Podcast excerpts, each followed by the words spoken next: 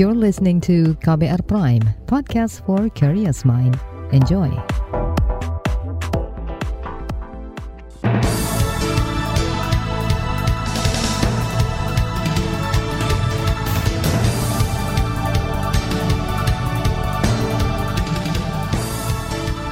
Selamat pagi saudara, senang sekali kami bisa menjumpai Anda kembali melalui program Buletin Pagi, edisi Senin 3 Oktober 2022. Bersama saya, Naomi Liandra. Sejumlah informasi pilihan telah kami siapkan, di antaranya publik desak pengusutan tuntas tragedi Kanjuruhan. Kewenangan Divisi Propam Polri akan dipecah. Gelombang tinggi, nelayan Aceh diimbau jangan melaut. Dan inilah Buletin Pagi selengkapnya. Terbaru di Buletin Pagi. Tragedi kemanusiaan di Stadion Kanjuruhan Malang, Jawa Timur menghentak publik di tanah air maupun dunia. Sedikitnya 129 orang tewas akibat kerusuhan usai laga Liga 1 antara Arema FC melawan Persebaya Sabtu malam lalu. Presiden Joko Widodo menyampaikan duka cita atas jatuhnya korban jiwa. Kepala negara memerintahkan kasus ini diusut tuntas. Saya juga telah perintahkan kepada Menpora Kapolri, dan Ketua Umum PSSI untuk melakukan evaluasi menyeluruh tentang pelaksanaan pertandingan sepak bola dan juga prosedur pengamanan penyelenggaraannya. Khusus kepada Kapolri, saya minta melakukan investigasi dan mengusut tuntas kasus ini. Presiden Jokowi juga memerintahkan PSSI menghentikan sementara turnamen Liga 1 hingga evaluasi perbaikan prosedur pengamanan selesai dilaksanakan. Menindaklanjuti perintah Presiden, Kapolri Listio Sigit Prabowo menugaskan tim untuk menginvestigasi seluruh tahapan dan prosedur laga Arema kontra Persebaya. Ia berjanji hukum bakal ditegakkan. Siapa pun yang bertanggung jawab atas tragedi Kanjuruhan akan dipidana. Hal itu disampaikan Listio usai meninjau Stadion Kanjuruhan dan menjenguk sejumlah korban di RSUD Kanjuruhan. Saya sampaikan bahwa tim tentunya akan mendalami terkait SOP dan tahapan-tahapan yang telah dilakukan oleh uh, Satgas ataupun uh, tim pengamanan yang melaksanakan tugas pada saat pelaksanaan pertandingan. Tentunya tahapan-tahapan yang ada semuanya akan dilaksanakan audit. Itu tadi Kapolri Listio Sigit Prabowo. Sebelumnya Kapolda Jawa Timur Niko Afinta menyatakan polisi menembakkan gas air mata untuk mencegah ekskalasi aksi anarkis massa. Melakukan upaya-upaya pencegahan sampai dilakukan uh, gas air mata. Kalau sudah anarkis, sudah mulai menyerang petugas, sudah merusak mobil, dan akhirnya karena gas air mata, mereka pergi keluar ke satu titik. Di pintu keluar, yaitu kalau nggak salah pintu 10 ya, atau pintu 12. Kemudian terjadi penumpukan di dalam proses penumpukan itulah terjadi sesak napas, kekurangan oksigen yang oleh tim medis dan tim uh, tergabungan ini dilakukan upaya penolongan yang ada di dalam uh, stadion. Kemudian juga dilakukan evakuasi ke beberapa rumah sakit. Penembakan gas air mata inilah yang diduga memicu jatuhnya korban. Setelah gas air mata ditembakkan, penonton panik hingga berdesak-desakan keluar dari stadion. Kepala Dinas Kesehatan Malang, Wiyanto Wijoyo mengungkapkan, tak sedikit dari korban yang meninggal disebabkan sesak napas pasca menghirup gas air mata. Selain itu, mereka juga mengalami patah tulang akibat berdesakan. Di lain pihak, Sekjen PSSI Yunus Nusi mengklaim kericuhan di Kanjuruhan berlangsung cepat sehingga memaksa aparat bertindak, termasuk menembakkan gas air mata. Sangat begitu cepat kejadian yang berada pada uh, tragedi tersebut sehingga tentu juga pihak keamanan mengambil langkah-langkah yang tentu dari pihak keamanan sendiri telah dipikirkan dan dikaji dengan baik karena memang kita lihat bersama pasca 45 kali dua pasca pertandingan tersebut dari supporter banyak yang turun ke lapangan dan tentu pihak keamanan mengambil langkah-langkah antisipatif. Itu tadi Sekjen PSSI Yunus Nusi.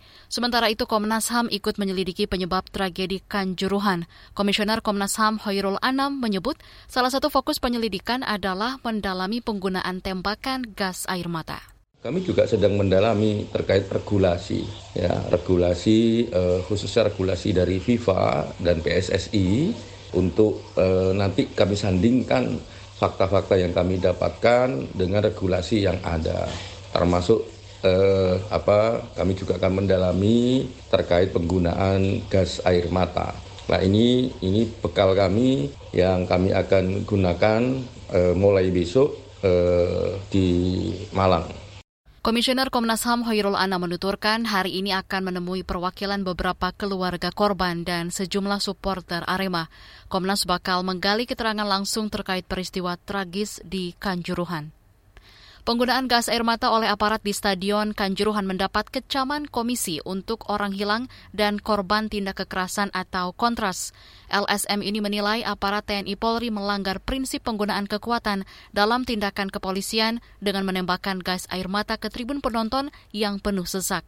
Langkah ini disebut melanggar ketentuan FIFA terkait pengamanan laga sepak bola. Selain itu, aparat juga melanggar aturan karena melakukan tindak kekerasan saat menghalau penonton yang turun ke lapangan. Kecaman juga datang dari Ketua Umum YLBHI Muhammad Isnur. Kata dia, ada potensi pelanggaran HAM yang dilakukan aparat dalam tragedi Kanjuruhan. Oh iya dong, iya pasti dong. Ketika ketika ada komando perintah nembakin gas air mata, tentu itu adalah bagian dari kekerasan yang dilakukan oleh aparat.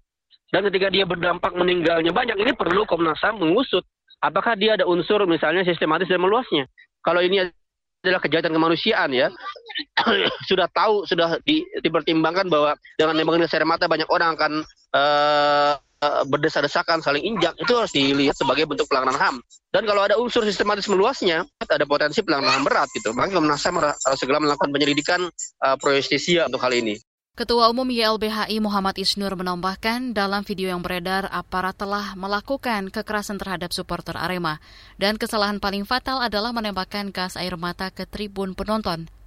Potensi pelanggaran terkait penggunaan gas air mata juga disoroti Koordinator Save Our Soccer, Akmal Marhali. Akmal juga menyayangkan PSSI lalai mengingatkan aparat tentang prosedur pengamanan dalam laga sepak bola.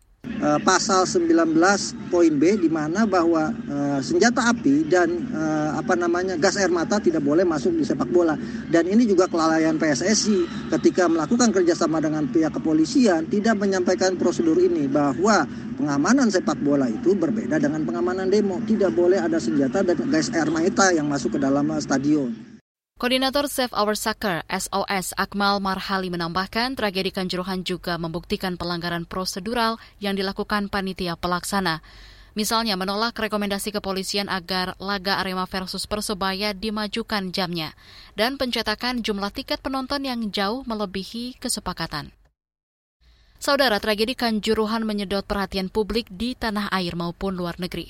La Liga Spanyol menggelar menghendingkan cipta selama satu menit sebelum pertandingan pada Minggu hingga Selasa besok. Adapun Presiden FIFA, Gianni Infantino, menyebut tragedi Kanjuruhan sebagai di luar akal sehat manusia. Pemerintah bertekad melakukan sejumlah perubahan di institusi Polri. Apa saja perubahan itu? Informasinya akan hadir sesaat lagi. Tetaplah di Buletin Pagi KBR. You're listening to KBR Pride, podcast for curious mind. Enjoy!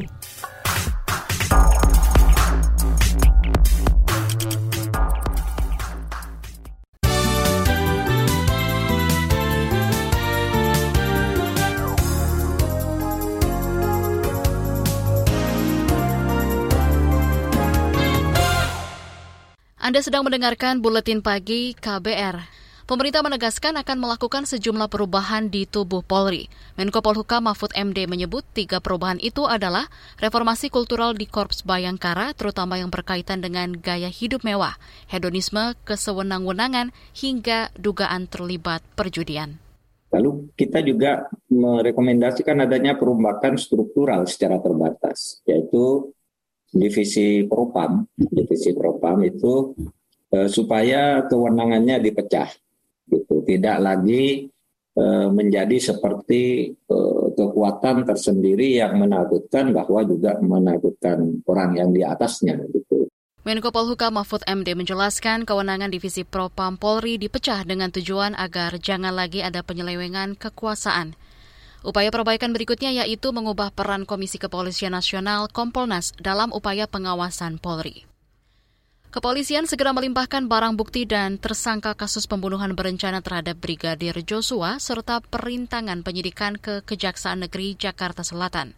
Kapolri Listio Sigit Prabowo memastikan pelimpahan dilakukan paling lambat Rabu lusa. Koordinasi dengan Kejaksaan saya kira sudah berjalan ya dari beberapa waktu yang lalu. Semuanya lancar, tidak ada masalah. Jadi tinggal kita tentukan sekali lagi untuk masalah waktu apakah hari Senin atau hari Rabu. Sementara itu, juru bicara Kejaksaan Agung Ketut Sumedana membenarkan bahwa pelimpahan akan dilakukan hari ini.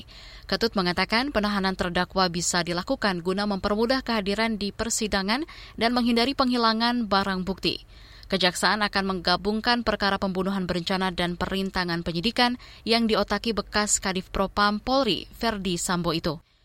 Beralih ke berita ekonomi, Mayoritas warga tidak setuju dengan kenaikan harga BBM. Kesimpulan itu disampaikan Direktur Eksekutif Indikator Politik Indonesia Burhanuddin Muhtadi saat memaparkan hasil survei evaluasi publik terhadap kinerja pemerintah. Jadi total mencapai 87,6 persen masyarakat yang tidak setuju dengan kebijakan kenaikan harga BBM. Jadi saya kira Presiden atau pemerintah sudah menyadari ya bahwa ini isu yang tidak populer, masyarakat sejak lama sudah menikmati tanda kutip atau dimanjakan dengan kebijakan uh, subsidi harga BBM. Tapi yang penting adalah bagaimana respon pemerintah dalam memitigasi dampak kenaikan harga BBM, termasuk potensi inflasi yang diciptakan oleh kebijakan ini. Direktur Eksekutif Indikator Politik Indonesia Burhanuddin Muhtadi menambahkan, mayoritas masyarakat berharap pemerintah mengurangi dampak kenaikan harga BBM. Salah satunya dengan menurunkan harga-harga bahan pokok. Selain itu, sebagian besar warga setuju subsidi BBM selama ini memang tidak tepat sasaran. Menteri Investasi Bahlil Lahadalia menyebut perang Rusia dan Ukraina sangat berdampak bagi perekonomian nasional, termasuk krisis pangan dan energi yang kini semakin menjadi. Ekonomi global hari ini tidak ada satu orang pun yang dapat meramal baik pakai ilmu teori ekonomi dengan kemampuan pengalaman empirisnya maupun ilmu langit. Kenapa? Karena kita tahu akibat perang Ukraina sama Rusia itu berdampak pada sebuah tatanan sistem ekonomi global yang tidak pernah kita perkirakan. Contoh katakanlah Inggris hari ini. Kita lihat bagaimana mereka mengajukan penambahan APBN dan pound sterling turun nilai tukarnya dan harga dolar naik. Menteri Investasi Bahlil Lahadalia mengakui kebijakan menaikkan harga BBM menyikapi krisis energi global sangat tidak populis. Namun di sisi lain, kata dia, tingkat kepuasan publik terhadap pemerintah terus naik berdasarkan survei indikator politik Indonesia. Kita beralih ke berita mancanegara. Australia mengecam Optus atas peretasan data 10 juta pelanggan. Optus adalah penyedia telekomunikasi terbesar kedua di Australia dan merupakan anak perusahaan Singapore Telecommunications atau Singtel. Optus didesak untuk segera memberitahu para pelanggan yang data pribadinya diretas.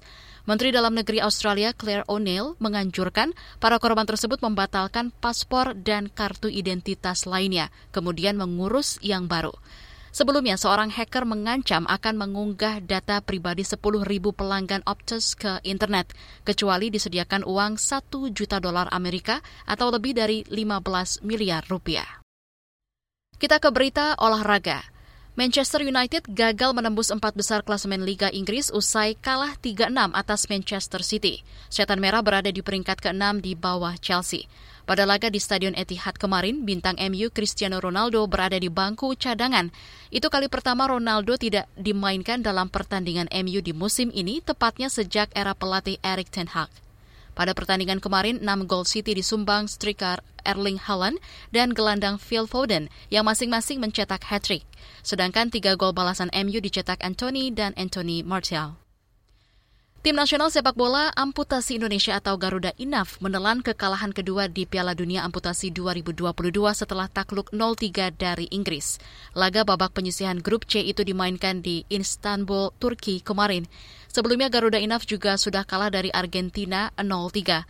Dua hasil buruk ini membuat Indonesia makin terpuruk ke posisi juru kunci grup C. Timnas hari ini akan memainkan laga terakhir melawan Amerika Serikat. Tim Garuda Inaf punya target menembus ranking 8 besar Piala Dunia Amputasi 2022 di Turki yang diikuti 24 negara. Di bagian berikutnya akan kami hadirkan laporan khas KBR yang membahas ketika pimpinan KPK tersandung masalah integritas. Simak usai jeda, tetaplah di Buletin Pagi KBR. You're listening to KBR Pride, podcast for curious mind. Enjoy!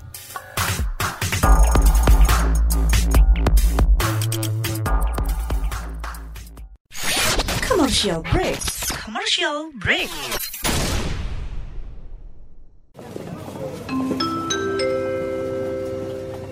Mohon perhatian. Panggilan terakhir penumpang Trending Air dengan nomor penerbangan WT0101 dipersilakan segera mendengarkan podcast What's Trending melalui Spotify. Karena podcast What's Trending sekarang ada di playlist teman perjalananmu. Selamat menikmati. Terima kasih.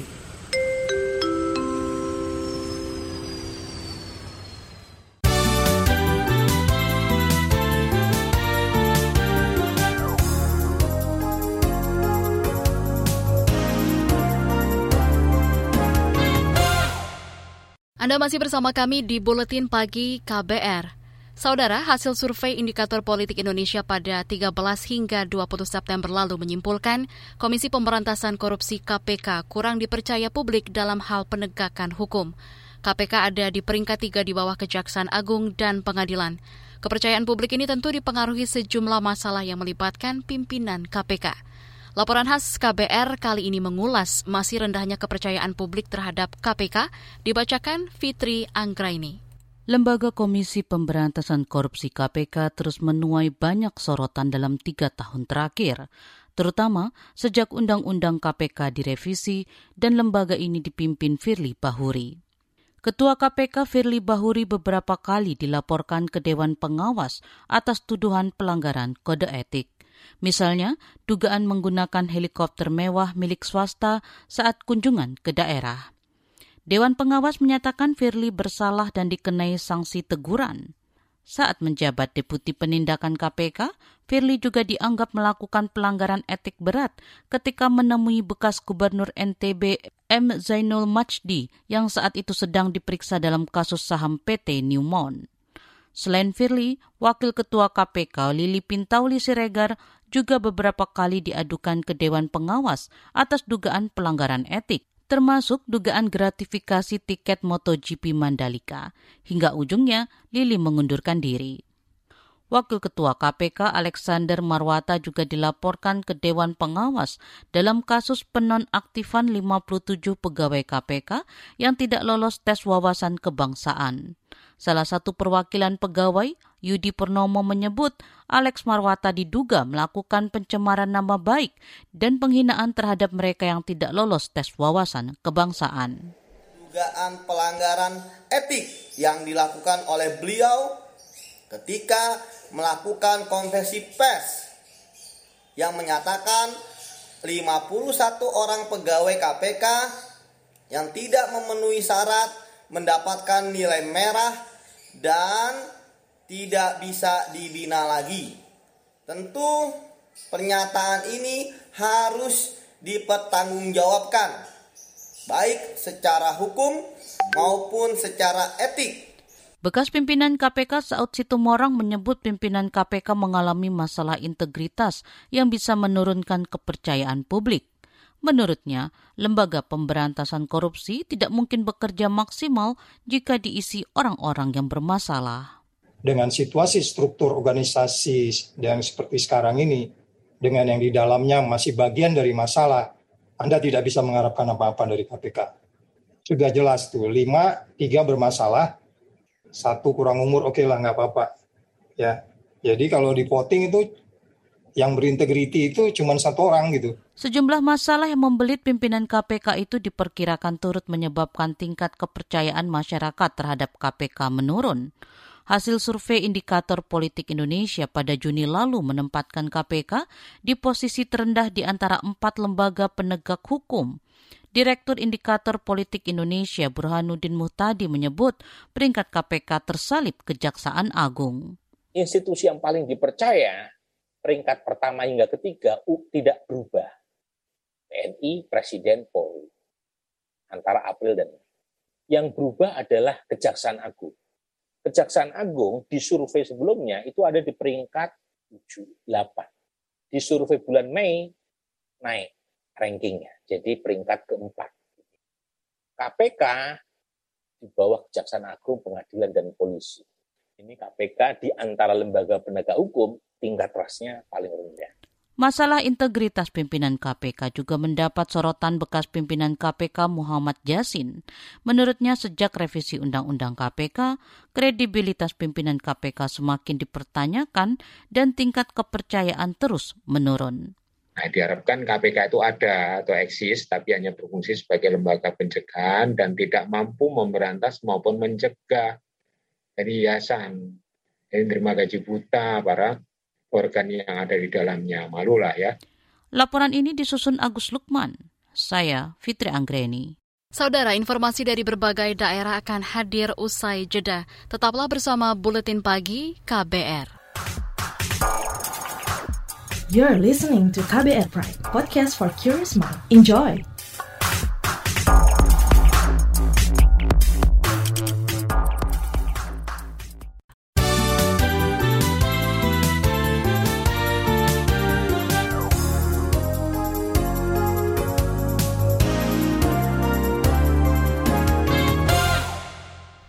Inilah bagian akhir buletin KBR. Kepolisian daerah Papua mewaspadai kemungkinan perubahan situasi keamanan pasca Komisi Pemberantasan Korupsi KPK melakukan pemanggilan kedua terhadap Gubernur Papua Lukas NMB.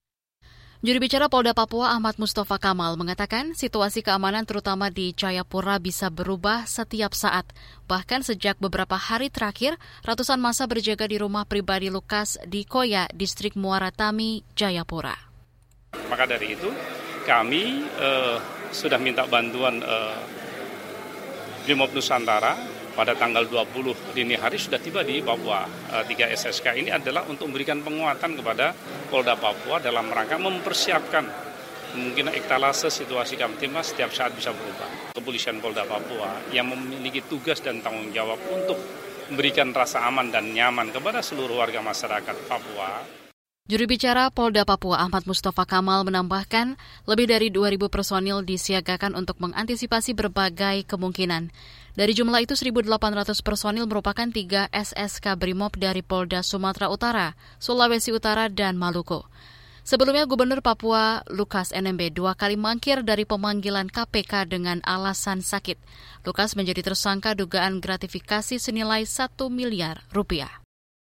Sebanyak 12 sekolah dasar di Banyuwangi, Jawa Timur terpaksa digabung tahun ini karena kekurangan murid. Menurut Kepala Dinas Pendidikan Banyuwangi, Suratno, penggabungan belasan SD itu juga untuk mengatasi kekurangan jumlah guru yang berstatus pegawai negeri sipil dan PPPK. Karena di SD jumlah siswanya sedikit, sementara kita juga mengalami kekurangan SDM, kekurangan uh, guru yang berstatus eh, PNS dan P3K, belum lagi kita ini akan ada kebijakan uh, tidak boleh ada honorer ya kan? Uh, dan lain sebagainya terkait dengan dana bos yang kalau siswanya sedikit pasti nggak cukup dong ya. Dana bos itu kan mengikuti basisnya basis siswa Kepala Dinas Pendidikan Banyuwangi Suratno menambahkan penggabungan SD akan kembali dilakukan tahun depan.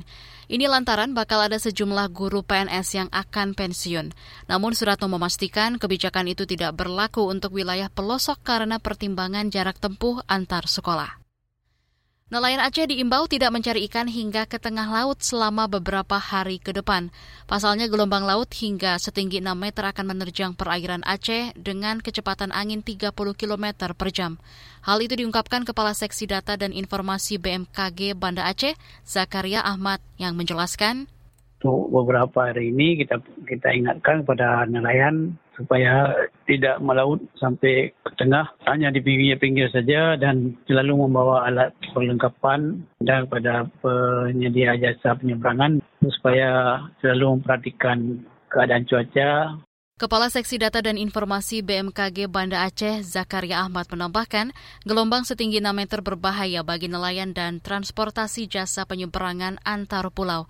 Sejumlah lokasi yang paling terdampak cuaca ekstrim antara lain Sabang, Lok Sumawe, Nagan Raya, dan Simelu.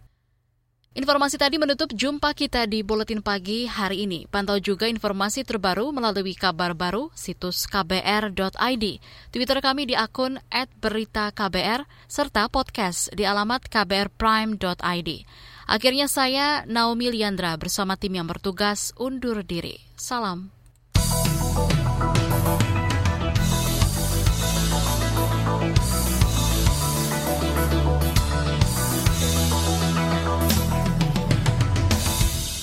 KBR Prime, cara asik mendengar berita. KBR Prime, podcast for curious mind.